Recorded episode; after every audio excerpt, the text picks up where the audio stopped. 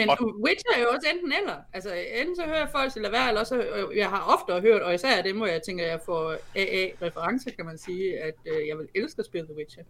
Men måske er det lidt i forlængelse af det, vi snakkede med Morten om her for ikke så længe siden med hans kæreste, hvor det der Elder Scroll, hvor hun er helt vild med det, men det faldt fra, fordi det blev for komplekst, hvor noget andet så har vundet i stedet for. Ja. Det ved jeg ikke. Mm. Altså, altså, jeg er bange for, at du vil have at spille The Witcher. Tror du det? Øh, det, det, det er fordi, dem der, dem, der kan lide det, er fordi, de ikke tænker på sådan de underliggende ting i The Witcher, som er, at CD Projekt Red altså bare udvikler uden at tage stilling til ting. Øh, men det kan det, jo godt... Det er fighting words, det der, Troels. Det er du nødt til at bakke op. Nå, altså, at, at øh, øh bogen er skrevet af sådan en, af sådan en rollespilsnørd, der kommer fra et østeuropæisk katolsk land, ikke?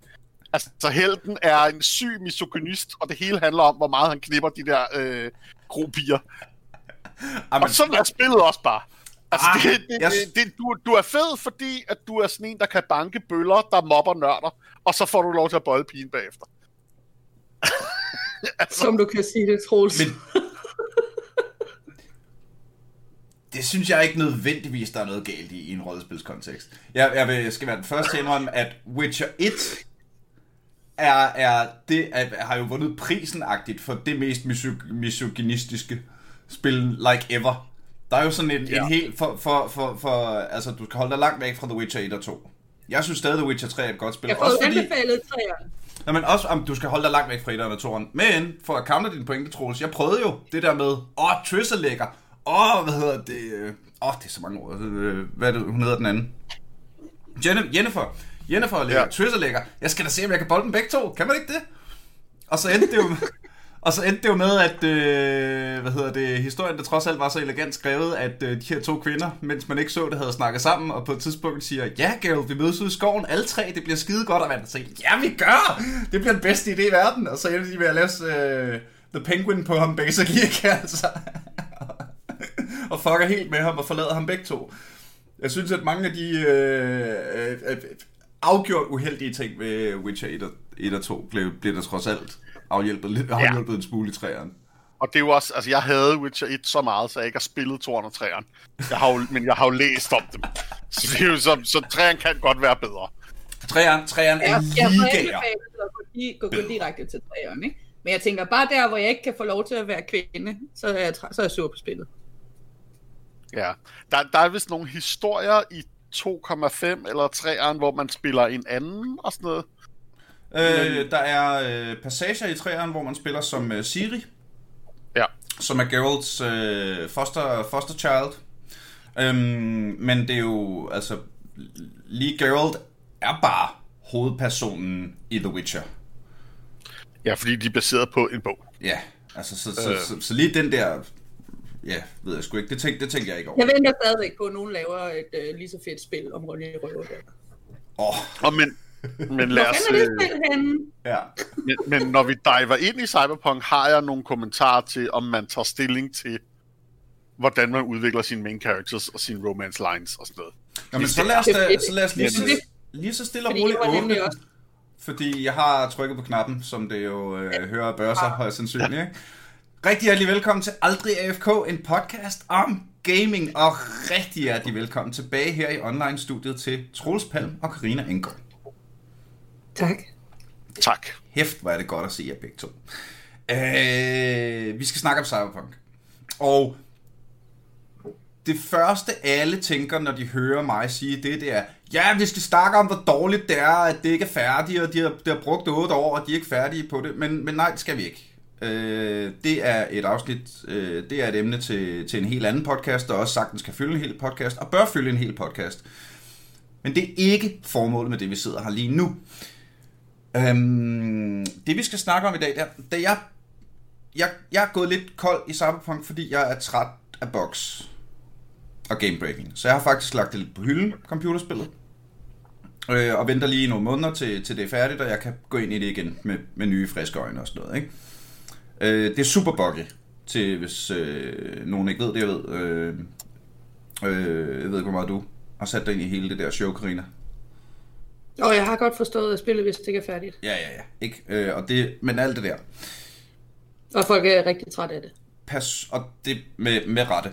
Personligt for mig dog, er det... Altså, øh, folk siger, jeg har ventet 8 år på det her spil. Det er fair nok, men jeg har ventet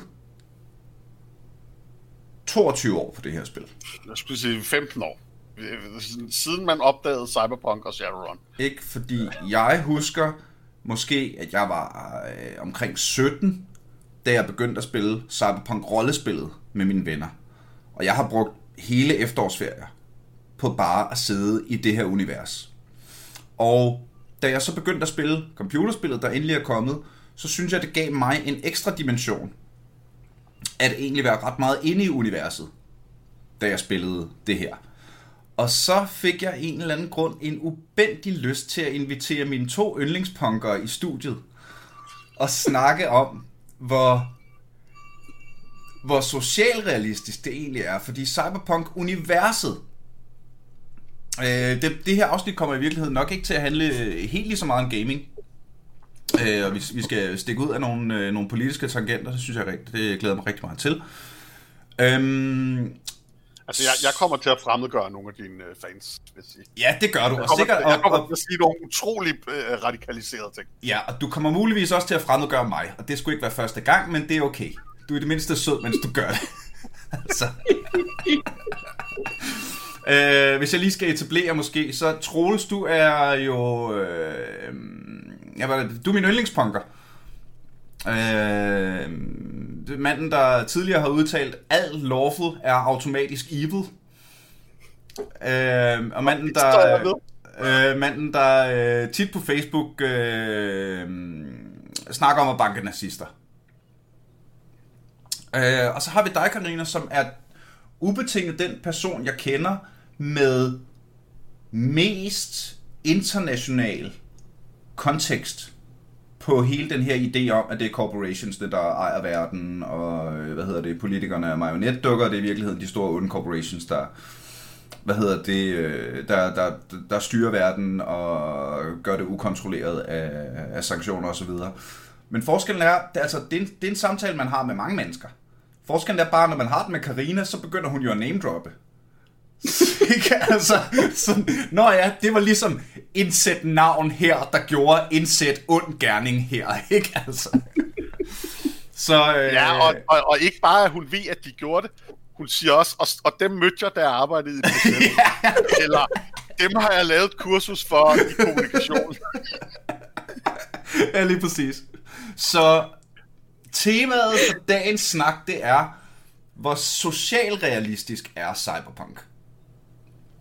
Øhm, Det har jeg glædet mig helt vildt meget Nej, det har jeg virkelig det. også. Og man skal jo ligesom, Det bliver- for, for at forstå konteksten, så blev Cyberpunk, jeg sidder her med øh, den gamle rollespilsbog, Cyberpunk 2020, hvilket er lidt sjovt at sidde i 2021, og i 2020, da det udkom, ikke? Øhm, skal lige se, om jeg kan finde, øh, fordi jeg prøvede at lede efter, hvornår det er udgivet. Og det, det, det, 90! Det, Den er fra 90.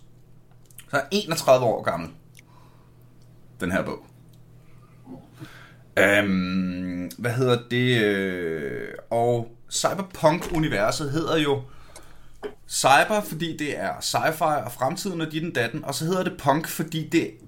ja, øh, Hvad skal man sige? Det er skrevet af punkere. Altså hele den der øh, store og øh, cyberpunk er jo punkernes våde fremtidsdrøm. Er du med igen, Troels? Vi mister det lige.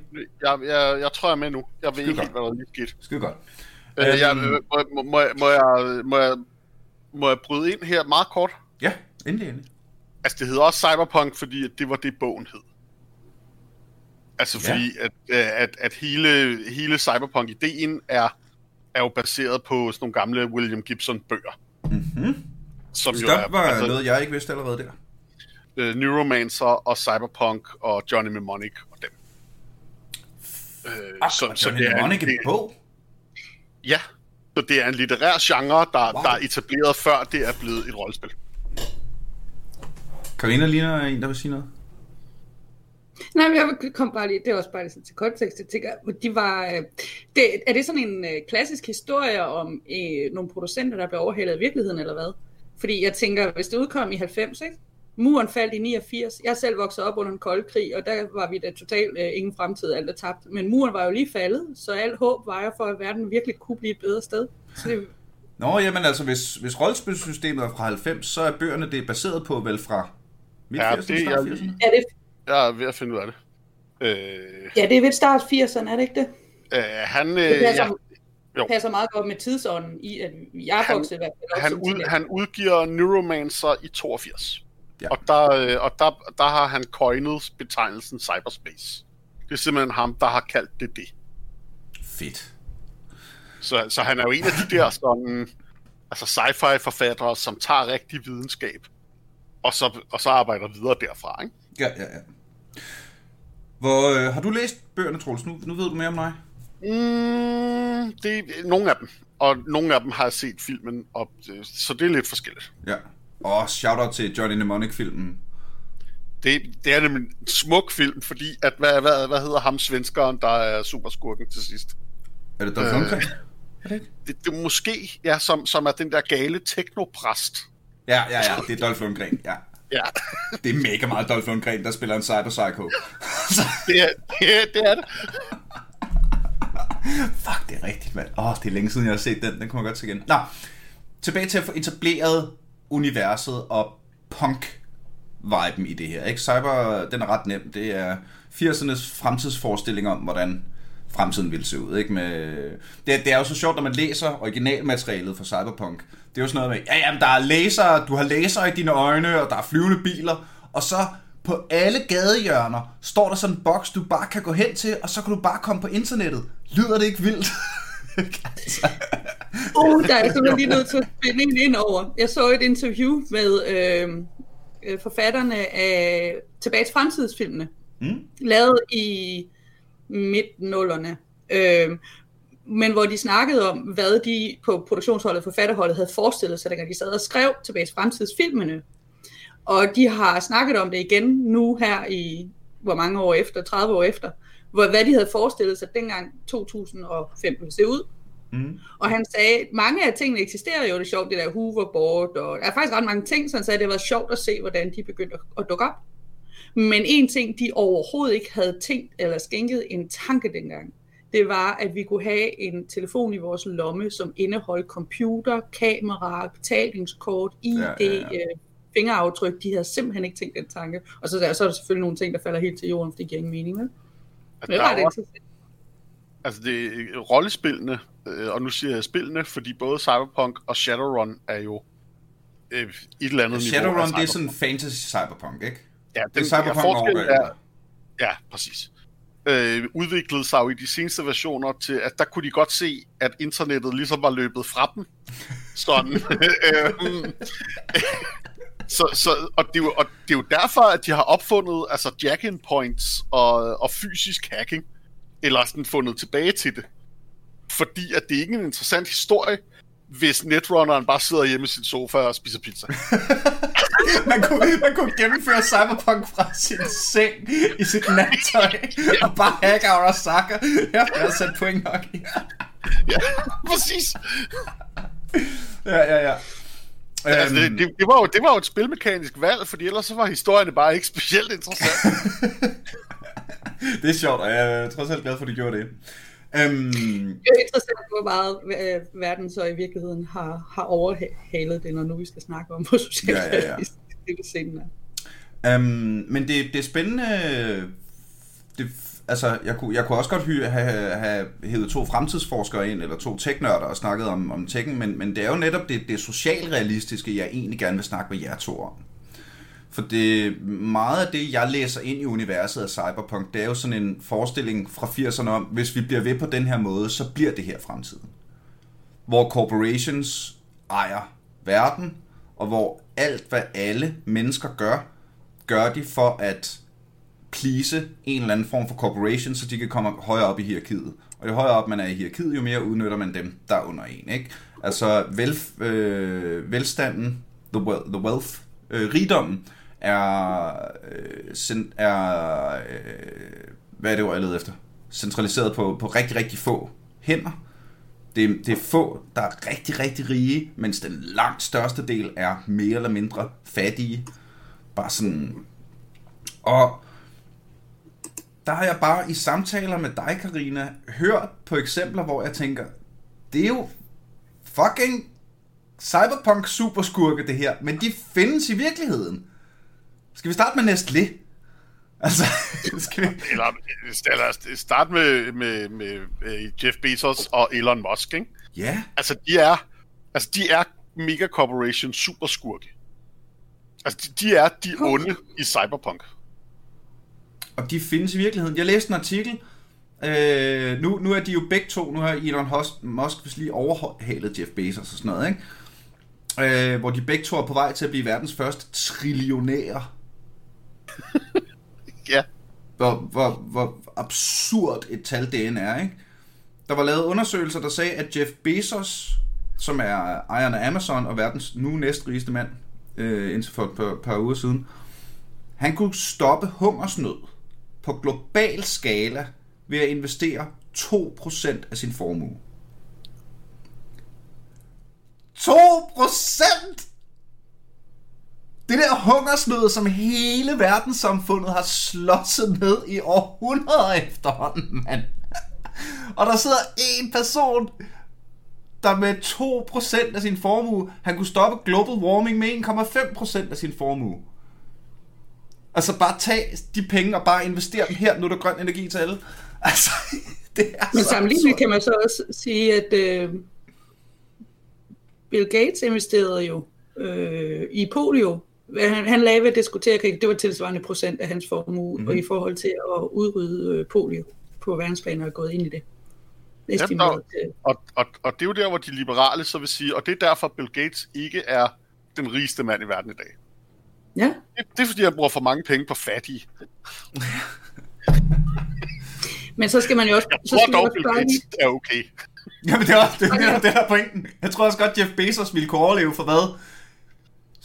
97,5% af sin nuværende formue. Øh, Men vi skal jo lige state, hvad noget bliver vurderet værdifuldt op imod. Øh, Fordi, ja. fordi når I siger for eksempel, at derfor vil nogen sige, at Bill Gates ikke er verdens rigeste mand, jamen det er målt på et kapitalistisk øh, værdisystem. Jeg, spørger, jeg synes bare altid, det er vigtigt, når man skal snakke omkring de her ting, hvad er det, når vi taler socialrealisme, at sige, hvad- altså, hvad, er det for et værdisæt, der er grundlaget for, at vi, Altså, når vi jeg vurderer. forestiller jeg, jeg, nej, jeg håber, at Bill Gates sover bedre om natten end Jeff Bezos. det, det, det, det, det, de- det, det gør jeg også.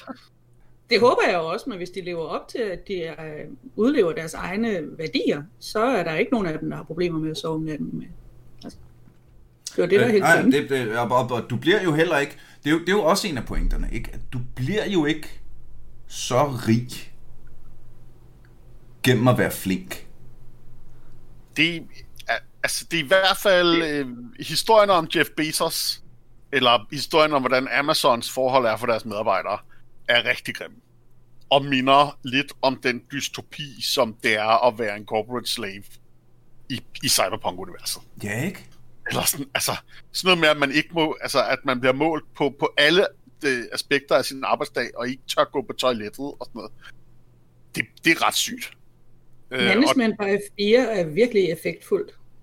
og det, Management, noget, jeg ikke havde management by over. fear. Kan vi lige få... Øh, øh, hold endelig fast i den tanke, Troels. Jeg kan bare godt lide... Øh, især i det her, når vi snakker om onde corporations, så kan jeg da godt, vil jeg gerne lige grave lidt i udtrykket management by fear. Jamen, det er et begreb. Altså, jeg har selv, øh, op, øh, og det er en strategi. jeg har sat mig selv op øh, til selvledelse man- gennem Management by Fear, for at være sikker på, at jeg kunne bestå en eksamen. Jeg var så hammerne bange for, at jeg dumpede, at jeg tænkte, det eneste, jeg kan gøre, det er bare at prøve. Så jeg tror, jeg lavede 10.000 regnestykker på en lommeregner, og håbede på, at jeg havde fattet det, når jeg gik til eksamen. Det gik meget godt. Øhm, management by fear er et- begreb, hvor man anerkender, jamen, altså, at frygt, øh, at folk følger, frugt, frygt, nej, røv, at folk øh, reagerer på frygt. Og det ligger, øh, det stammer fra, fra grundlaget helt ned til, til basis motivationsteori, at vi mennesker øh, gør noget af meget simple årsager. At enten så belønnes vi med noget, eller så er vi bange for straf eller sanktion for noget. Mm. Pisk eller gulerod. altså, Han har, klart en leder efter, han leder, han, han, han leder med en pisk. folk er så villige nok til at arbejde for ham alt andet lige, fordi nogen har det så ringe i verden, og det så han fint på at udnytte. Så Mm. det Faktisk, øh, Karina gav mig et eksempel tidligere på året, som, som folk vil lægge folk nært, som er altså Disney under corona, oh, som, som jo bare meldte ud til deres regionale kontorer, at om vi har ikke nogen nedlukning. Fuck, hvad jeres land siger. Og de fleste tør jo ikke stige op. altså, altså, så det her, det er jo både et internationalt megakorp, der laver management by fear, øh, og er så magtfulde, at folk bare sådan, Nå, jamen sådan er det jo. Ja. Og det er jo... Det er jo når man tænker på er- Johnny Silverhand, som i computerspillet bliver spillet af Keanu Reeves, han har en rigtig stor ro- rolle. Det, han er jo beskrevet i universet som ham, der... Øh, ja, hvad, som uh, The Rocker Boy, som var en klasse, man kunne spille i, i spillet dengang, ikke? Ja, det er det stadig. at, øh, hvad hedder det, han var den rockerboy, der ligesom sagde stop, og sagde, nej, nu skal folket fandme rejse sig op mod de her corporations, og nu er det fandme for dårligt, og spille undergrund, og øh, hvad hedder det, øh, og punk for helvede, ikke? Altså. Og det er, jo, det er jo præcis sådan nogen, Johnny Silverhand ville sige, ah, skal vi ikke lige springe deres hovedkvarter i luften? Det har jeg sgu en atompump, der kan ordne det der. Den er installeret i mit knæ. det kostede tre humanity points. Um, ja, Ja, det... Øh, og, jamen, øh, og det er sjovt, du... Jamen, skal vi begynde at dykke ned Ja, i nogle, skal i nogle nedslag i spillet? Jeg synes, det er sjovt, vi bliver ved med at nævne punk. Øh, fordi noget af det, jeg helt klart har, har noteret var med i spillet, er subkulturer, der løsriver sig fra øh, det dystopiske system. ja. Ikke at de nødvendigvis får det bedre, men de får det i hvert fald anderledes. Øh, og det er jo netop altså, øh, punkerne og anarkisterne og øh, øh, sådan nogle øh, doomsday prepper, militia-folk ude i ørkenen og, øh, og bander, der er hårde nok til at styre deres eget kvarter. Mm-hmm. Og det synes jeg, man kan drage nogle ret kraftige paralleller til vores, øh, altså, hvordan verden ser ud nu. Mm. Øh, der er flere tilløb til, i Seattle prøvede de at løsrive øh, et helt kvarter, fire blokke, øh, under Black Lives Matter-demoerne, og blive slået rigtig hårdt ned af, af amerikansk militær. Ikke? Øh, kurderne prøvede at løsrive Rojava under Syrien-konflikten. Sabatisterne har jo i rigtig mange år haft løsrevet Altså, hvis du kigger på et kort over sabatistbevægelsens øh, dele af Mexico, så undrer man sig over, hvad den meksikanske regering laver, ikke? altså, fordi, fordi sabatisterne har alle landsbyerne, og er dem, der fører krigen mod narkobaronerne. Øhm. Christiania, Christiania? øh, øh, rigtig godt eksempel. Altså, øh, der, der, kommer flere, der kommer flere og flere tilløb til, at nogen siger, ved du hvad, øh, The Facet State eller The Mega Corporations, de gør det sgu ikke godt nok. Vi er nødt til at gøre det anderledes. Jeg har flere mennesker i mit netværk, der bare sådan privat øh, arbejder så meget som de kan hen imod at blive selvforsynende. Øhm, og det, det, det, det er jo pisse svært, fordi samfundet er ikke indrettet til det, ikke? Men, men de gør så meget, som de nu kan. Og det er jo også en, en statement på, altså, det, jeg bliver sgu aldrig selvforsynende, fordi jeg kommer ikke selv til at kunne bygge det nyeste grafikkort, når de nye spil kommer. Vel, men jeg, kan, jeg har da en, øh, hvad hedder det, en altan, hvor jeg gror krydderurter og øh, ting, jeg kan spise selv. Og det synes jeg er, er voldgrineren, ikke? Så bliver, så bliver rotterne i det mindste grydretten af rotterne under, under katastrofen bliver Ja. ikke så smagsløse for dig, som for så mange andre. Lige præcis. Der skal Men skovsyre og basilikum ned til min rotte. Og, Ja, og, jeg er på mit madhold, det er helt sikkert. Men der er jo også den underliggende i vores samfund, at vi kan se de her øhm, landsbyer, øh, bo, bofællesskaber i form af landsbyer, der går ud og så bliver, som du siger, med selvforsynende, ikke? hvor det ikke nødvendigvis er en punk-tilgang til det, men det stadigvæk er et ønske om at bryde ud af, af det større. Øh, ja, større. men, men, og punk er jo også bare eksemplet på en kultur, der også, at de også vil løsrive sig i Berlin, øh, på Liebigstrasse. Øhm, i, I virkeligheden er det jo mere sådan en, jeg ved godt, der er rigtig mange landsbyer, der ikke vil indrømme, at de er anarkister. Men hvis man går ned til basisdemokrati og er øh, og, og bare er en landsby, der passer sig selv, så er man jo syndikalist. Altså, så er man præcis det, som anarkisterne var under den spanske borgerkrig. Og det, som Chomsky synes er det fedeste ved israelske kibbutzer. Øhm, man må bare ikke sige til dem, de er anarkister, fordi anarkister er blevet fyre. Øh. Og Katalonien har jo, er jo været, det kan godt være, at vi ikke har hørt så meget om det, men det er aldrig altså, de har jo haft en frihedskamp kørende øh, i, i årtier, øh, og ja. stadig. Men det er jo mere opgør mod nationalstater som koncepter, end det er opgør mod corporations, som jeg synes er, er det, det, de, de, de åbenlyst onde i ja. Cyberpunk-universet. Altså, mit, øh, mine klare eksempler på det her i Cyberpunk er jo Nomads og Pacifico. Mm-hmm. Øh, Nomads er jo, øh, er jo de tilbagevendte soldater. Øh, det er en af de baggrundshistorier, man kan have, øh, når man spiller Cyberpunk computerspillet og rollespillet for den skyld. Og de har simpelthen de er kommet tilbage og fundet ud af, at der er ikke noget for os. Og så er de blevet til sådan nogle altså, øh, omvandrende bander af, af vogntog øh, og tanks og helikopter, som, som lever for sig selv ude i, ude i Arizonas ødemark. Øh, Pacifico er en del af Night City, hvor man spiller øh, computerspillet, som stort set er løsrevet fra resten af byen. Øh, det er domineret af to bander, Voodoo Boys og Animals. Og politiet... Altså, der er en rigtig smuk scene i computerspillet, hvor første gang man møder Voodoo Boys, som er rigtig svær at finde, så kommer man ud af den der voodoo-kirke, hvor man, har, hvor man har taget kontakt, og så står der en mand, og så skyder op i luften med, med, med, med en maskinpistol i en hånd efter en politihelikopter og råber, You know welcome in Pacifico!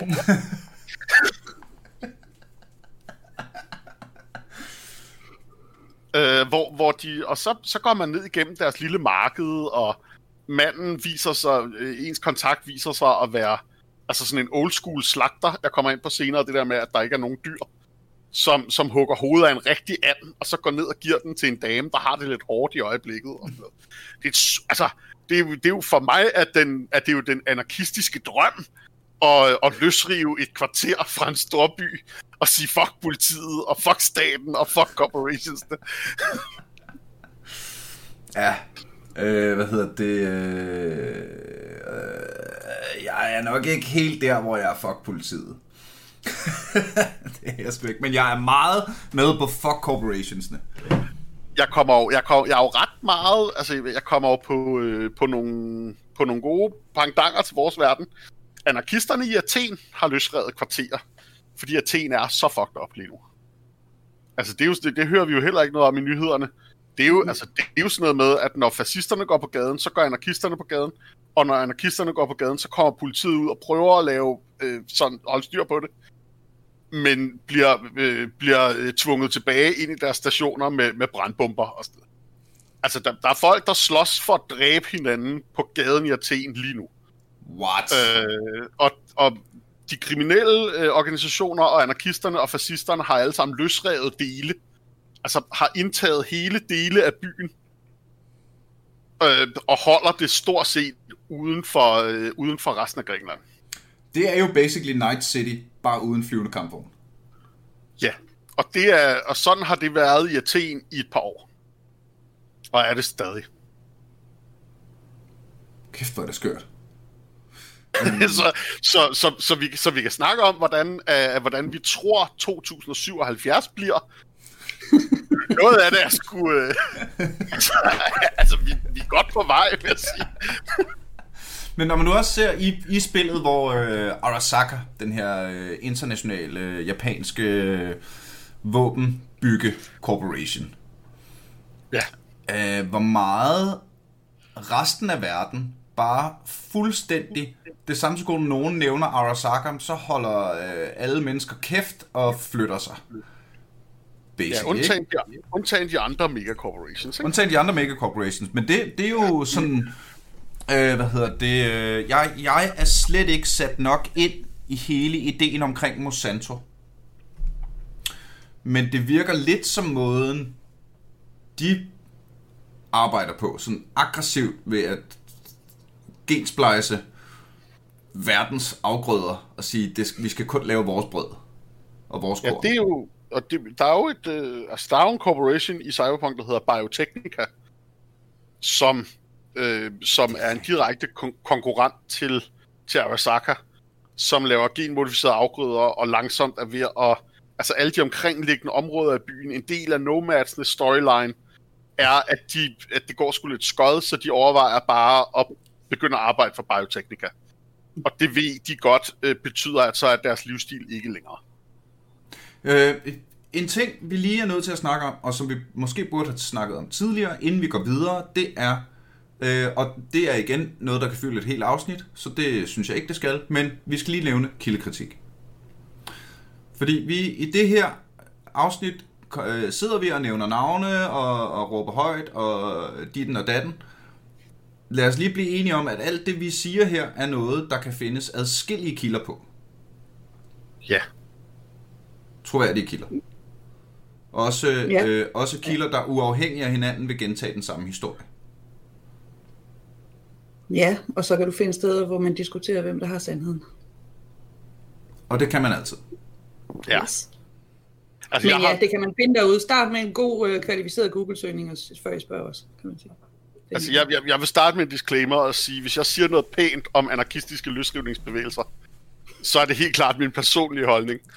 Og, det ved jeg godt. okay, disclaimer. Aldrig AFK står ikke inde for nogen af Troelses udtalelser, fordi jeg gerne vil beholde min plads på sendefladen. altså, jeg overvejer, Jeg har det at også. jeg skal ned og slås i Berlin nu.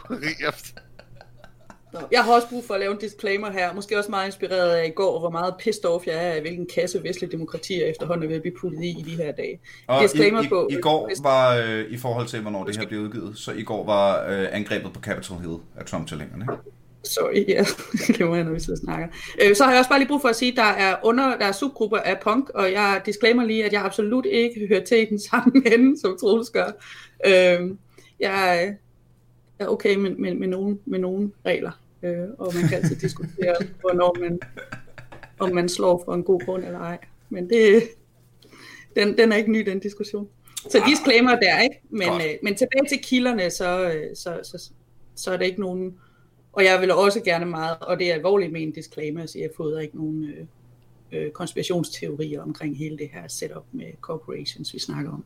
Men tilbage til sløjfen, du kom med, Niels, så er jeg oprigtigt personligt, for eksempel meget politisk forbruger kvæg min, øh, min tilgang til verden. Og jeg har et seriøst problem med GMO-fødevarer. Og det har jeg, fordi jeg kan se, at det er lige lukket vejen ned i, at corporations ejer vores fødevareproduktion. Og det har jeg et problem med. Ja. Og grunden til, at det bliver et problem, det er fordi, når de genmodificerer det, så er det sådan, du kan ikke tage en tomat, som du normalt kan, tage frøene fra, og så dyrke dine egne tomater derfra. Derfor tager de kontrollen over produktet øh, fødevare, og det har jeg et problem med. Øhm, Skal vi snakke lidt om Nestlé, der er i gang med at forsøge at opkøbe alt drikkevand? det er jo ikke noget nyt. Altså, de opkøber jo øh, øh, øh, grundvands... Øh, Altså jord med, med grundvandstilføring, øh, øh, både i Sydamerika og Indien er det et stort problem nu, og det har i Indien været det i over et år 10, hvor de opkøber jord, hvor, hvor de kan have adgang til grundvandet, og så øh, de er så ikke så flinke, at de giver lokalmiljøet adgang til det vand, de så har købt bagefter. Det kan folk så købe på flaske til et par dollars. Så det kan man sige, det er noget af det, der er lidt presser dem lidt lige nu. Altså det er lovligt, det de laver. De bryder ingen lovgivning der, hvor de er. Det er derfor, de er over det hele. Så kan man jo sætte ind, Mm. hvor det nu er mest praktisk. Øh, I Sydamerika er det også et stort problem, men der er problemet med drikkevand jo også forstærket af øh, verdens forbrug af avocadoer. øh, man har jo et begreb, om det er jo ikke engang, det er ikke engang løgn, altså hvis man er miljøforkæmper og, vega, og vegetar og spiser rigtig mange avocadoer, så, så, gør, så kommer man ikke, så går det lige op, skal vi sige det sådan. Mm. øhm, og, og der er jo også et begreb derovre, der hedder det grønne guld, og en mafia i den forlængelse. Øh, og avocadoer er produktet. Øh, det, det er så voldsomt, altså der er så, så høj mangel på, Fordi, på ja, drikkevand. det virker jo også i, i Cyberpunk-universet, er der også en, en sådan underliggende, øh, hvad skal man sige, øh, dystopi er slet ikke det rigtige ord, en underliggende sådan øh, meta om, at jamen, du er jo nødt til at arbejde for corporationsne. Du, er- det, selvfølgelig, det gør alle jo. Og, og jeg havde en joke om det i mit, mit tidligere show. Dumb Jokes and Dragons, som vi skulle tage og se, når jeg finder et sted få det uploadet. Um, Det er skide godt. Hvad hedder det? Det skal du også synes. Og det skal Troels også synes. Der er en af hans jokes med i det også. I know. Hvad hedder det?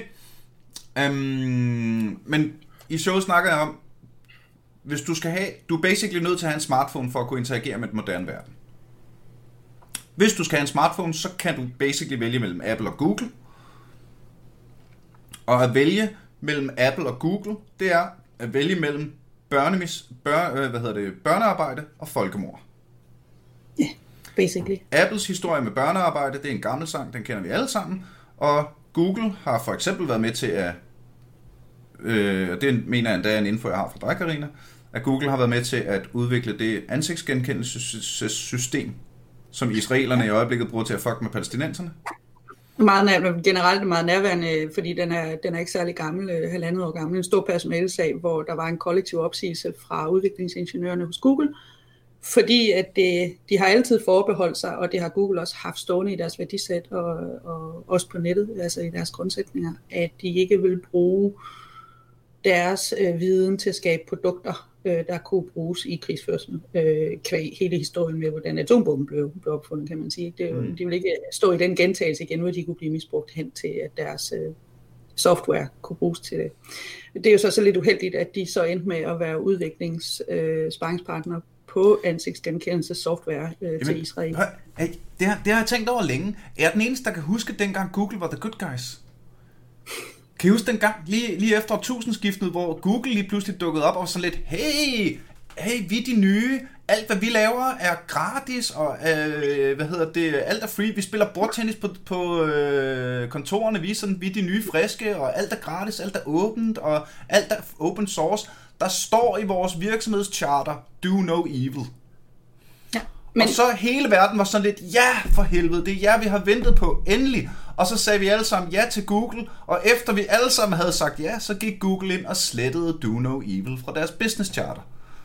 Yes. Det var i hvert fald måden, de kom udenom den her situation på. De mistede øh, hele, altså der var rigtig mange udviklingsingeniører fra Google, der sagde op. Løsningen blev nemlig, at det så bare blev fjernet fra værdichartet, kan man sige. Ikke? Ja. Og man kan så starte med at sige, om du vælger det ene eller det andet, så bruger du elektronik.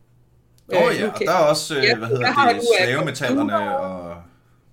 Nej, der er i hvert fald bare børneliv på kontoen, der er bloddiamanter i det hele, ikke? der er blodmineraler i det hele, øh, og øh, udnyttelse af verdens ressourcer i lande, der hvis, hvis der ikke var multicorporations, der opkøbte jorden og udnyttede det, sagtens kunne klare sig selv. Men det er det, jeg mener, så er vi jo for helvede i, i en verden nu, hvor altså corporations, der har vundet, og hvor jeg i hvert fald som privatperson tænker, med, øh, så må jeg jo hellere det... lave et punkband. Spille nogle undergrundskoncerter og få mig en mekanisk arm, altså. Det, jeg vil sige det sådan, jeg vil til det skidt ret næst, det kommer an på, hvor du lever i verden, og hvordan du er kommet til verden. Ja, det, det er super nice at være øh, vestlig og hvid. Øh, not og so endda much. måske mere specifikt Europa lige nu. Ja, not, not so much øh, resten af verden. Du kan sagtens leve et sted i verden nu, hvor man skulle tro, at det, at det var et uh, live-scenarie, du spillede på computer. øhm, Eller et cyberpunk-rollespil. jeg, jeg vil dog sige, at også der er, er historien ved at, at løbe fra fiktionen, ikke? Fordi EU gør faktisk et forholdsvis stort stykke arbejde i at prøve at knægte de her megacorporations. Øh, Ja. øh, altså Margrethe Vestager. Øh, Shout out til Margrethe Vestager. øh, Shout out til en, Margrethe en, Vestager. en, en kæmpe held. Øh, Det tætteste Hun er, hun er superwoman. Ja, ja, hun er en superhelt. Der er slet ikke, der er slet ikke hands down. men der er jo også 50 år til, altså til, til cyberpunk-verdenen, og, og der er lige en ret stor nation, der har meldt sig ud af EU, ikke? Og, øh, og Østrig går også og kigger på det, og øh, Dansk Og også Folkeparti fundet synes også, det er en pisse god idé, og, De og findes der er også en chance for, at vi snart smider sådan noget som altså, Ungarn og Polen og sådan noget ud selv, ikke? Vi kan desværre ikke smide nogen ud, men det kan blive rigtig træls for dem. Vi kan mobbe dem, til de går. Det er sådan, man, det er sådan Det- anarkisten virker i, ja. i virkeligheden. Øh, Vi kan i hvert fald gøre det så træls for dem at, at få pengene, at de hellere vil være fri. Ja. Men så er det vel også, og hold kæft, det er nogle store emner, vi tager op i dag, ikke? Øh, og sådan er det, men Jeg har forresten sendt, jeg, jeg har sendt links til, øh, til det anarkistiske øh, løsrevne kvarter i Athen til jer. Lige nu sidder jeg ved at finde et kort over sabbatisternes områder i Mexico. Det er skide godt. Jeg vil rigtig, rigtig gerne være på hold med Troels. For han, det der, de der sms-kæder, han har kørende med, rundt omkring i verden, det er sgu god info her. Der er faktisk øh, der er snart, der er snart sabbatistbesøg i, øh, i København, øh, hvor, man, hvor der vil være noget foredrag. Og. Men altså, er jeg den eneste, der har spillet nok Vampire til at tænke, Sabbaten? er det derfor, den hedder Sabbaten? Fordi det er vampyrpunkerne, der ikke vil være med i kammerillagen? Øh, det, øh, ikke, men næsten. Fordi, fordi sabbaten, sabbatens ledelsessystem er jo anarkerne. Og det er fordi, de er anarkister og spiser de gamle vampyrer, Niels. Det er fordi, de har fundet ud af, at hver gang man spiser en ældre vampyr, så bliver man selv en ældre vampyr. Nu er det fedt. Eat the rich. Men ideen med Eat the Rich er vel for helvede ikke at selv at blive rig. Ja, men, men det er... Men sådan er det bare, hvis man er vampyr, åbenbart. Ja, ja, ja. Åh, det er sjovt. I en... Øh, i en øh, det, det, det, det er mere sørgeligt, end det er sjovt i virkeligheden.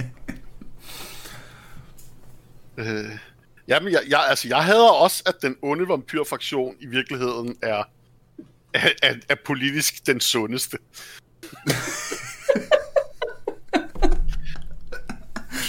Jeg tror faktisk, udfordringen er, at øhm, der er ikke nogen af systemerne, der i sin ren essens er gode i længden. Jeg har snakket med vores fælles ven, Christoffer Nyrup, som jeg synes, ja. shout, out, shout out to my homeboys, um, som jeg synes er en vildt fed pointe, at kapitalismen var jo i virkeligheden et svar på feudalismen. Fordi mm. verden efterhånden havde fundet ud af, at det, der var galt med feudalismen, var, at øh, rigdommene var samlet på få hænder. Og så kom kapitalismen, der lige pludselig sagde, hey, alle kan få lov at tjene penge. Alle kan få lov at have deres egen firma. Alle kan få lov... Det var, det var i virkeligheden i, i, i, i, set i væk fra det feudale system, Ja. var, hvor det var de adelige og, og øh, de kongelige, der sad på alt flæsket, ikke? Der var kapitalismen jo lige pludselig sådan helt socialistisk. Og alle kan få lov at sælge en ged, og hvad sker der, mand? Og jeg skal ikke engang aflevere 70% af mine afgrøder til kongen og sådan noget. Ej, hvor sejt. At det, Men så på et er- eller andet tidspunkt, lad mig lige tage den færdig. Så er der jo så på et eller andet tidspunkt sket det i årene, der er gået med kapitalisme, at det i virkeligheden har skabt en ny feudalisme. Fordi nu er vi Ja. igen i det system, hvor der er pengene er samlet på nogle rigtig, rigtig få hænder. Og der er blevet lavet computersimulationer, hvor du tager... Hvis vi tager... Øh, øh, øh, åh, han forklarer det meget bedre. Noget retning af. X antal elementer, der i det her tidspunkt skal repræsentere mennesker, med en vækst på 0,2% om året. Så tager man 1% af de her individer, og siger, I er 50% dygtigere til at opsamle indkomst og penge end alle de andre, og så tager du 1% og siger, I er 50% dårligere. Bare det. Men hvis du kører den algoritme længe nok, altså hvor mange år det nu er, men så kommer der man til at se de der super vanvids spikes, der er, at 1% lige pludselig har lige så meget flæsket som resten af de 99% til sammen. Jeg synes, du er, der er en rigtig, rigtig vigtig pointe, vi glemmer her. Øh, og det er jo ret interessant, fordi det vi egentlig går fra for feudalismen, det er, altså, i stedet for at du skal have lov til at sælge noget, så har alle per definition lov til at sælge noget. Så lavpraktisk pragmatisk var det jo et spørgsmål om et næringsbrev. Ikke? Altså, må Mm. du sælge noget, må du ikke sælge noget. Der var heller ikke nogen forbrugerfrihed. Du kunne sgu ikke næsten selv vælge, hvilket marked du ville gå på, enten af Mm. praktiske årsager, fordi det andet var længere væk, eller fordi du handler hos din nærmeste, ellers så fik du sgu hugget hovedet af. Ja. Øhm, og øhm, så kan man så sige, og ja, og så sker der jo lidt det samme, som du siger, det her med, at nu ligger rigdommen igen hos den 1%. Forskellen er bare, og det er der, det frustrerer mig, at folk ikke bruger den frihed, de har. Forskellen er, at vi har forbrugere inde i billedet. Og der er essensen i de her mega corporations er kun, at der vælter kun millioner ned i lommen på dem per minut, fordi der er nogen, der bruger dem du, man, kan, man kan godt leve i den her verden uden at bruge Amazon, hvis det er det, man virkelig vil, og hvis man er virkelig bange for, at de breder sig ud. De ved bare, at vi som væsener er designet ufattelig dogne. Og så er der jo samtidig også DVD, hvis du nu for eksempel går tilbage til smartphones. Du skal jo have en smartphone. Mm, det skal du ikke. Vi har begge, vi har fælles venner, som ikke er på Facebook, at de skal gøre en anden indsats, og man skal nå med en anden vej, og deres liv, det er det, jeg siger, det er dogenskab. Jeg skulle lige sige, jeg har nogle punkervenner, der bor i kollektiver, hvor de bygger alting selv og er selvforsynende. Det er jo røvirriterende, at de ikke har Facebook. Ja. Og det er det, det er det, de virksomheder kan leve på, fordi de ved, at vores forbrugeradfærd per default er designet sådan, at vi er så dogne som muligt. Skifte bank, øh, lad være med at handle på, på Wish, øh, hvis du ikke vil børnearbejde. Hvis man har købt noget på Wish, så skal man bare overhovedet ikke nævne, at man har et problem med børnearbejde, punktum. Hvis man handler tøj i Zara eller andre lignende steder, som har producenter, der bruger fangelejre i Kina, så skal man bare slet ikke sige, at man synes, at der ikke skal være fangelejre i verden. Så skal man lade være med at købe det tøj. Enig. Og det er dogenskab, at man ikke gør det. Men, virksom, men, det er ikke, men, det er ikke, men der er ikke skyld i det. Det er ikke sådan, vi som individer skal sidde og skamme os over det. Det er, virksom, det er de her corporations. Der er en grund til, at det hedder markedsføringspsykologi. Det er ren manipulation, det er notching, det er hvordan man kan påvirke os i vores underbevidsthed til at få en adfærd, man ønsker at have. Og det er det, de virksomheder udnytter. Og samtidig tror jeg også, at øh, det... Men forbrugerne kan bare lade være med at bruge pengene hos dem. Endnu. Ja, men nogle først, ting kan vi ikke. Men først skal forbrugerne jo også være bevidste om det. Præcis, præcis, og præcis. vi befinder os jo i en verden, hvor der er det her er jo ikke det eneste af verdens problemer, det vi sidder og snakker om nu. Nej, for fanden. Øh, at Jeff Bezos så ville kunne løse hele lortet ved at undvære 3% af sin formue, det er sådan en helt anden snak, ikke? Men, eller, det er faktisk lige præcis den her snak, men det er ikke der, jeg vil hen. Det, jeg vil hen, var, at mennesker, ingen mennesker kan kæmpe alle kampe. Mm-mm. Og Nej. Der, der er masser af mennesker, der enten har, andre, der har andre kampe at kæmpe, enten internt, hvor de lige skal have styr på sig selv først, den kender jeg da til, inden man begynder at have overskud til, øh, Nå ja, men, men jeg har det ikke rart og fedt, og jeg er ikke okay. Har du ikke overskud til at begynde at, at kæmpe mod systemet, før du får styr på det? Og så kan der være andre, der øh, går, går sygt meget op i dyrevelfærd, ikke? for eksempel. Ikke? Det kan være, det er deres ting. Jamen så øh, bruger de hele deres energi og hele deres fokus på det, uden at nødvendigvis, og, og læser alle artiklerne om det, og laver alle podcastene om det, og øh, alt det der, og, og har ikke båndbredde nok til også lige at læse om, hvilke tøjfirmaer, der, og så videre, ikke? Men det er som sum, det er som sum, Niels. Ja, lige præcis. Altså, øh, så som sum kan vi godt, ja, nej, det er fedt det der, og det er bare det, mange flere skal gøre, brand ja. for én ting. Altså, ja. jeg kan kun sige, er egen erfaring, og alle erfaringer, altså, vi brænd, vi, det, er, jamen, det er jo metaforen med at give dig selv indmasken, før du kan hjælpe andre. Jeg har selv prøvet det, jeg har arbejdet i, i med udviklingsarbejde i Afrika, og jeg brændte ud som menneske, fordi jeg glemte, at jeg skulle sørge for, at jeg selv havde min basisbehov på plads, for at jeg kunne, altså, og jeg, det var sådan noget med, det største svigt var faktisk at lade mig selv brænde ud, hvis jeg gerne vil bidrage til en bedre verden. Hvis så bare flere vil, vil tage en sag og brænde for den, men oprigtigt også leve den, øh, og det er måske der, hvor lige præcis det her med dyrevelfærd er en af dem, hvor man tydeligt kan se det, fordi folk skifter adfærd i form af, i hvert fald basically at spise mindre kød. Øh, det, det er en synlig ting. Ikke? Øh, det, det, det, det vil, der skal mere af det i den virkelige verden, og ikke på Facebook, eller øh, Twitter, eller Reddit, eller et eller andet andet. Hvis Thoughts det and prayers. Øhm, og, øhm, men. Men, men fordi det er fuldstændig umenneskeligt, og pointen er egentlig også at sige, at systemet udnytter, at brøndbanen ikke er der, der er ikke øh, nogen, der er klandret øh, for det. Jeg, jeg vil bare ønske, at folk så kunne blive lidt mere refleksive, når så de som jeg siger, så det er fint, at man ikke spiser kød, det er jeg helt med på. Hvis man så spiser rigtig mange avocadoer, så overvejer lige, hvor de kommer fra. De kan komme enten fra et sted, hvor en hel øh, verdensdel øh, bliver udnyttet og udsultet for drikkevand, og det dyrker en mafia, øh, så du egentlig, så kan du lige så godt købe stoffer, hvis det, hvis det er det, du har gang i. Så bliver folk i hvert fald behandlet. Eller alternativt, at, øh, at det skal transporteres rigtig langt, eller alternativt, det kommer fra et diktatur og dyrket på stjålet land. Det er bare eller, det, eller øh, dyrket på, øh, på brændt jungle. Som ja, er et præcis. Ikke? Øh, palmeolie er det værste for miljøet. Altså det er det værste, vi kan gøre lige nu. Palmeolie, tit og der vel. Altså, så der er bare sådan... og min pointe er egentlig bare at sige, at det har sådan en grad af kompleksitet, at vi som mennesker ikke kan forvente sig at have båndbredden til det.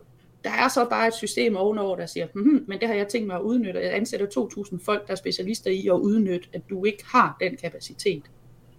Og det, det er der, jeg synes, det begynder at blive, blive et, et problem. Fordi så ryger magten nemlig ud af vores hænder. Jeg ved ikke noget værre som forbruger selv, end at føle, at jeg er blevet manipuleret til noget. Jeg bliver skidesur, når nogen ringer til mig og siger, åh, nu kan du få et bedre telefonabonnement, end det du har nu. Du skal bare betale 29 kroner mere for de her fem streamingtjenester. Så jeg vil ikke have de streamingtjenester. Jeg hader, når jeg står i 7-Eleven, og de nærmest griner af mig, fordi jeg vil ikke have den gratis ekstra croissant med, for jeg kan ikke spise den. Altså, lad være med at tvinge, tvinge dit produkt ned i halsen på Lad være med at manipulere mig til at tage ja, ja, ja. mere af det. Og, og, og, det minder mig om jeg har... en gammel Anders Fjeldsted-bid, hvor han var sådan, øh, de fleste steder, de har mængde rabat. 7-Eleven, de har enhedsstraf. ja. ja. Altså, jeg, jeg har jo lidt dem samme, det samme forhold til altså, de pakninger, vi køber i supermarkedet. At det er designet til, at du lever dit liv på en bestemt måde. Fordi mm. du køber altså 300 gram kød per gang, og det er, hvad et normalt menneske skal spise på en uge.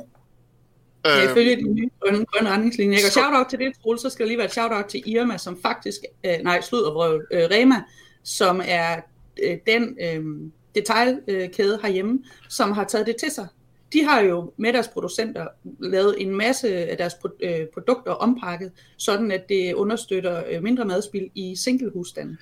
Til gengæld så er Rema i Norden en del af en, øh, en franchise-virksomhed, som, som bliver ledt af sådan en, en, en norsk skyggemilliardær, som er lige efter Jeff Bezos og, øh, og Elon Musk. Han ejer 7-Eleven og Rema 1000, ikke? Øh. jo, og så gav du mig lige, øh, så gav du mig faktisk lige den bog, jeg lidt lidt efter, for at få lov til at sige, at øh, for eksempel sådan noget som CSR, er jeg jo utrolig kritisk overfor, selvom jeg også selv øh, rådgiver og hjælper virksomheder med at, at levere mere af det. Altså corporate Fordi social responsibility, hvis, Cor- hvis ja, nogen ikke var med på... Ja.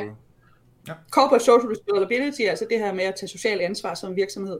Og det er, problemet med det er, at det stadigvæk er underlagt det her værdiparadigme, som, som vi har været inde over flere gange med det her med value gain. Alt bliver vurderet på værdi, om, vi, om der bliver mere værdi ud af det. Øh, og den har vi i rigtig mange elementer, også menneskets værdi, ikke? I, i, i, hvis vi kigger i vores egen arbejdsmarkedsdebat i øjeblikket. Øh, jeg... så det her, og, og CSR bliver jo bare et værktøj til endnu en bundlinje, fordi virksomheder så gør... Åh, oh, nej, nej, nej, nej, Karina. Vi røg Karina. Og vi får en tilbage lige om lidt. Det er jeg sikker på. Det er jeg sikker på. Må jeg vende tilbage til en, en, en pointe, Niels? Ja, tak. Kapitalismen er ikke det, der øh, besejrer øh, feudalismen, for kapitalismen er ikke en politisk retning, den er bare et værktøj. Eller det frie marked er bare et værktøj. Okay. Liber- liberalismen, eller for den sags skyld fascismen eller socialismen, kan, kan bruge det frie marked som et politisk værktøj. Alright. Altså, øh, hvad altså, det, men, men, altså de, men hvad var det de, så? De første, de første free charters i England og sådan noget, er jo, er jo mere en liberalistisk og starten på socialistisk strømning. Øh, det er jo ikke fordi, de er kapitalister. Nej, det, det er måske meget, det er meget godt point. Det, det, er, fordi, de er, det er fordi, de er fagforeningsfolk. Ja, ja, ja. ja, ja. Check, check. Check, check. Hej Karina, vi, vi mistede dig sådan øh, midt i en sætning. Ja, øh, fandt jeg ud af, hvor, hvor, hvor mistede jeg mig hen, så kan jeg bare lige runde min pointe af. Ja, det er svært for os at vide, vil jeg sige. ja. I, I mellemtiden har jeg sagt noget om, at det er jo ikke kapitalismen, der er den øh, politiske retning. Kapitalismen er værktøjet. Liberalismen ja. er den politiske retning, der besejrer øh, feudalismen. Ja, godt. Det, det er fair nok. Den er købt. Um, øhm. Og nu har vi snart snakket en time det bliver bare utroligt komplekst, når vi begynder at tale omkring de, de her øh, ting, ikke? Ja. ja vi, kan vi prøve men, men, at... kommer, vi kommer ind på en af mine næste pointer om, om, om cyberpunk-verdenen, i det, Karina siger. Det var netop som, som er sådan noget med, med, med tøj og, øh, og, og mad og dagligdag. At, øh, at det er ret tydeligt i spillet, at der ikke er særlig meget kød. Hvis noget. Øh, når man får en pizza, så er det en tofu-pizza, og når man får pepperoni, så er det en øh, græshoppe-pepperoni. øhm, og, og man finder sådan nogle små computerbider, der snakker om, da man udryddede alle fugle, fordi de havde fået fugleinfluenza. Altså, Uh, lidt, lidt ligesom, at vi måske har en global pandemi, der er startet i kødproduktion. uh, Øhm, og, og, og, vi dem, har jo skabelonerne. Altså, og dem, der spiser kød, er så enten de mega rige, eller, eller sådan nogle, altså sådan nogle, sådan nogle outsider, ikke? Altså, det, det er jo sådan nogle voodoo boys nede i Pacifico, der er ligeglade med, at man ikke må slagte ind, ikke? Øhm, Så hvis det, vi gerne ville afsøge med at snakke i det her en times tid, var, hvor socialrealistisk er cyberpunk egentlig? Både universet og spillet. Så må svaret være pænt meget. ja, altså, vi, vi, er, vi er i hvert fald, altså, vi kan pege på steder, hvor vores samfund 100% er på vej i den samme retning, eller allerede har overhalet det.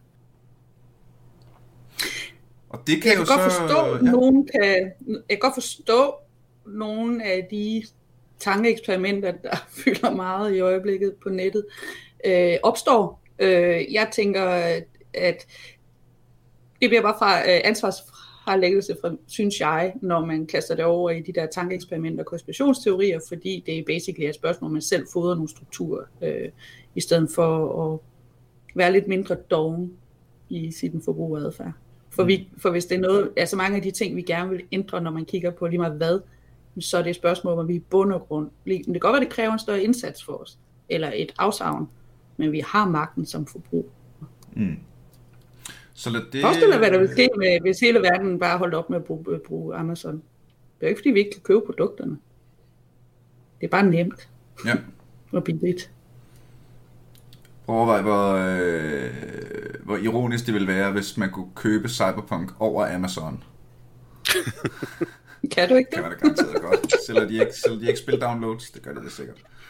Det øh, jeg, øh, det kan være, at jeg efter det her sender dig et link til en piratkopi af det nyeste Cyberpunk-system, Niels. Men, men det vil jeg ikke gøre, mens vi snakker.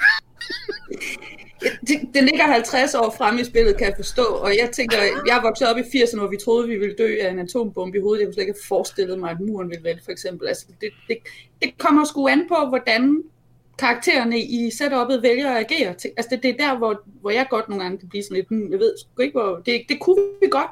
Vi kunne også ende 100 andre steder. Det kommer Man- an på, hvordan man kan sige, for- udfolder. For tre dage siden var vi også forholdsvis sikre på, at USA ikke ville bryde op i, i 52 nationalstater. Ja, det og nu er det lige pludselig en, en, en, en ting på Det, listen. det er vi ikke rigtig sikre på, ikke kommer til at ske længere, vel? Nej.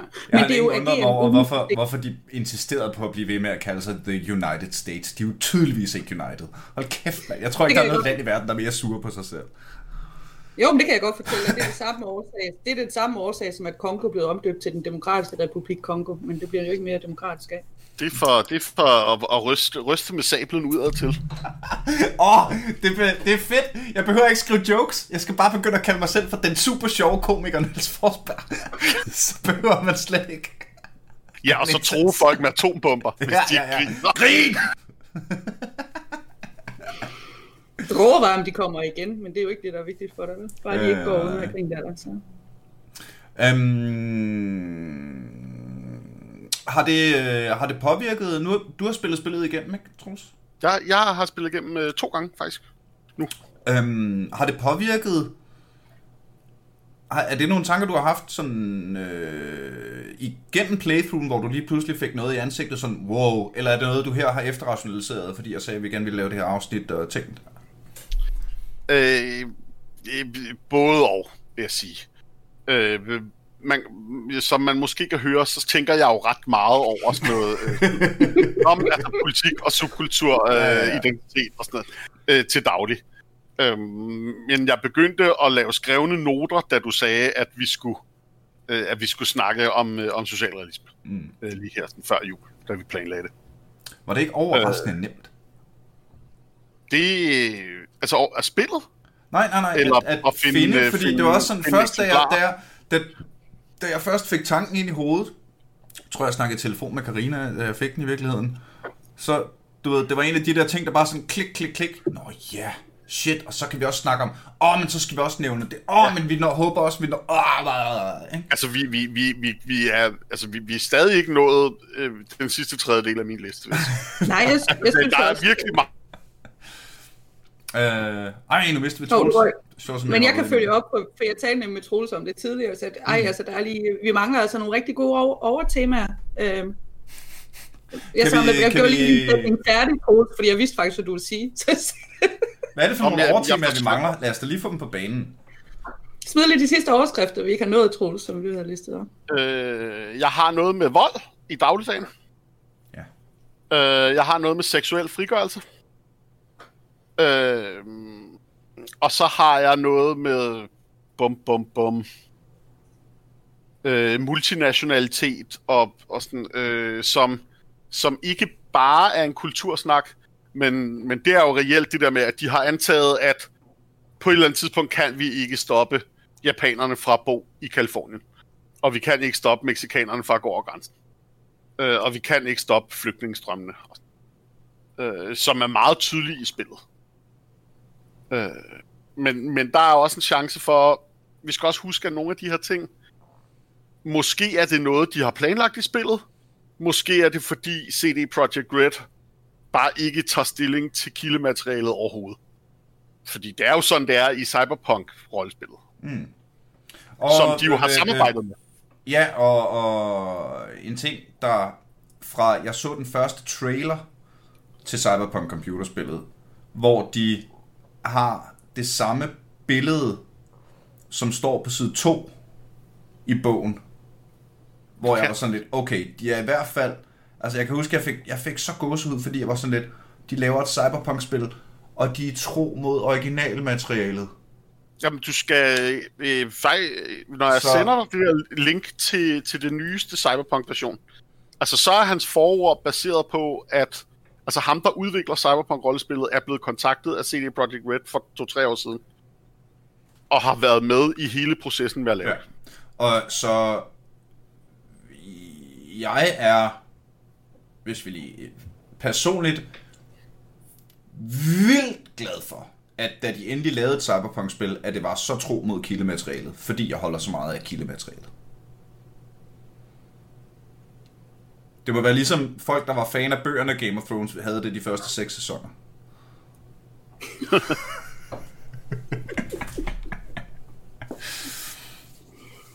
øhm, kære venner, vi har snakket en time. Det, og vi kunne godt have snakket en time mere. Vi kunne godt have snakket en Ja da. time mere. Øh, Jeg er altid fornøjelse at snakke med jer. skal vi gøre det? Ej, jeg får gæster lige om lidt. Shit, det kan jeg ikke. Nej, det bliver, det bliver et meget langt afsnit. Vi Nå, kan eventuelt... kan vi jo klippe det op i to, eller lave et afsnit mere. Jeg, jeg skulle lige til at sige, at vi kan jo tease, at vi på et tidspunkt laver en tor. Så har du også tid til gæster, og vi har en, øh, en undskyldning for at skulle snakke sammen igen. Ved du hvad? Det er kraftet en bombshell, jeg er klar på at lukke på. Det har i hvert fald Fordi- været skide hammerende hyggeligt at snakke med jer to. Fordi et af mine sidste noter er jo også, at der er jo også en serie af Shadowrun computerspil. Hvor, at, altså, hvor punkerne har fragmenteret hele Berlin og banket på Humanis Poly Club og sådan noget. Og det skal vi også snakke om. Ej, var det fedt. Jamen, øh, tusind tak, fordi du lyttede med, kære lytter. Tusind tak til Troels og Karina, fordi I havde lyst til at lege med. Øh, hvis man, Tak øh, er, der, er der noget, I har lyst til at plukke her til sidst? Karina? Nej, ja, det, ja, hvis man øh, gerne vil have samtaler og inspireres, coaches, skubbes lidt i forhold til at udleve etik i ens hverdag, så er det noget, jeg arbejder med og, og understøtter. Find Karina virksomhed og Indgaard. Hvordan Karina finder man Indgaard dig? på LinkedIn. på LinkedIn. Sådan der. Er der, øh, er der noget fra undergrunden, du skal lige skal have boblet op, Troels? Jamen, jeg, øh, jeg har jo lidt, fordi I har sagt det til mig, gået og tænkt rigtig meget på at starte min egen podcast. Øh, Ja. og Ja. der er efterhånden et på, at jeg godt kunne tænke mig at snakke om intersektionerne sådan mellem, mellem politik og nørdekultur, eller øh, sådan, altså politik i tegneserier og politik i Star Wars og sådan noget. Øh, så det kan være, der kommer noget på et tidspunkt nu, hvor jeg sidder og er arbejdsløs alligevel. Nej. Jeg vil, Ej, hvor gerne, fedt. jeg vil så gerne tale Tintin med dig. Jeg vil så gerne tale Sten og Stoffer med dig. Ja, jamen, Den her podcast Jamen. er i hvert fald blevet til i, i mit lille arbejdsløshedsrum, så... min, min, Der er rig mulighed for det. mine to første arbejdstitler er Star Wars, et anarkistisk paradis, og øh, Black Exploitation og Turtles. Shout out til Troels. Fedt, du gør det, Troels. Det Ja, det er sejt. Øh, og øh, så er det måske et shout-out til dig, kære lytter, der, hvis du synes, at Cyberpunk er en lille smule for socialrealistisk, så... Åh, Så- gør dit, så, så, vi, gør... så sender vi dig gerne nogle links til, ja, hvor, hvor det er meget altså, værre. Og så prøv at gøre dit bedste for at være lidt mindre doven, men hvis du ikke kan overskue det, så lad være med at gå ned på det. For det Ja. er ikke... Altså... Ikke? Det er Det er ikke heller ikke- helt ude af vores, det er ikke helt ude af vores hænder, men det bliver udnyttet, at det er en stor mundfuld. Ja, Så og det ingen vil mennesker kan kæmpe alle kampe. Så sådan er det. En øh, ting, du til gengæld slet ikke behøver at slås med, det er, øh, hvor nemt det egentlig er at støtte Aldrig FK inde på tier.dk. Du skal bare oprette dig en enkelt gang, og så kører hele lortet af sig selv. Så smider du bare en tier per afsnit. Det bliver pis fedt. Og kæmpe, kæmpe shoutout og virtuelle krammer og lots and lots of love til de vidunderlige mennesker, der støtter os derinde. Det er basically jer, der sørger for, at rummen stadig løber rundt. Du er selvfølgelig velkommen til at smash en like-button på Facebook. Skriv til mig, hvis du har ris, ros, kommentarer, noget andet. Og så er du ellers bare rigtig, rigtig hjertelig velkommen til at lytte med næste gang. Vi en gang til er aldrig AFK.